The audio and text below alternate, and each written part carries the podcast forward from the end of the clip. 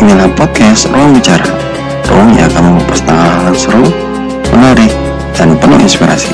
Bersama saya, Gilang Ramadan di podcast Ruang Bicara. Assalamualaikum warahmatullahi wabarakatuh. Kembali lagi pada podcast Ruang Bicara. Kita akan membahas tentang introvert. Nah, kali ini kita akan bahas tentang ciri-cirinya dan definisinya dan hal-hal yang berkaitan tentang introvert kita kupas di ruang bicara. Sahabat ruang bicara, nah kali ini kita akan bahas dulu introvert. Introvert itu adalah sikap atau karakter seseorang yang memiliki orientasi subjektif secara mental dalam menjalani kehidupannya. Nah, kepribadian introvert itu cenderung menyukai kondisi yang tenang, senang menyendiri, reflektif terhadap hal yang mereka lakukan. Mereka memiliki kecenderungan untuk menjauhi interaksi dengan hal-hal baru. Nah, seorang introvert sangat senang banget nih untuk melakukan aktivitas yang sifatnya soliter, sendirian, individualis lah pokoknya. Kegiatan itu seperti nulis, membaca, mengoperasikan komputer, nonton film, mancing, dan hal sebagainya.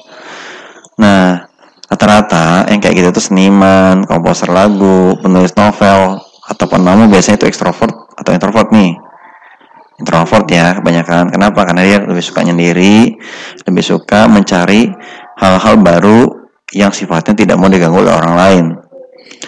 Nah, mereka itu orang introvert ya punya kemampuan yang sangat baik dalam hal-hal yang berkaitan tentang menganalisa hal-hal tertentu dan mereka juga punya sisi konsentrasi yang lebih tinggi dalam memecahkan masalah.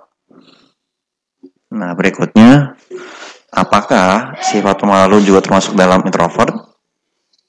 Nah, salah besar nih kalau bilang begitu. Kenapa? Karena bahwa seorang introvert adalah seorang pemalu itu tergantung ya. Ada juga introvert lebih senang melakukan kegiatan sosial mereka sendiri. Intinya, dia tuh masih segan kalau ngelakuinnya bareng-bareng rame-rame. Ya. Nah mereka tuh berat banget atau segan untuk hal-hal yang sifatnya terlalu banyak orang yang terlibat di dalamnya itu tadi. Ciri-ciri kepribadian introvert ya. Pertama pendiam dan suka menyendiri. Kedua introvert itu tidak menyukai pembicaraan yang ringan. Ketiga introvert itu tidak menyukai dering handphone Introvert itu tidak langsung membalas pesan dari seseorang. Yang kelima, introvert merasa keramaian membuatnya gila. Keenam, lebih nyaman untuk hangout dengan orang yang lebih sedikit. Ya. Tujuh, lebih suka mengamati keadaan sekitar dengan sangat cermat. Delapan, cenderung suka menulis. Sembilan, cukup jago dalam menebak karakter orang. Sepuluh, akan banyak berpikir sebelum berbicara.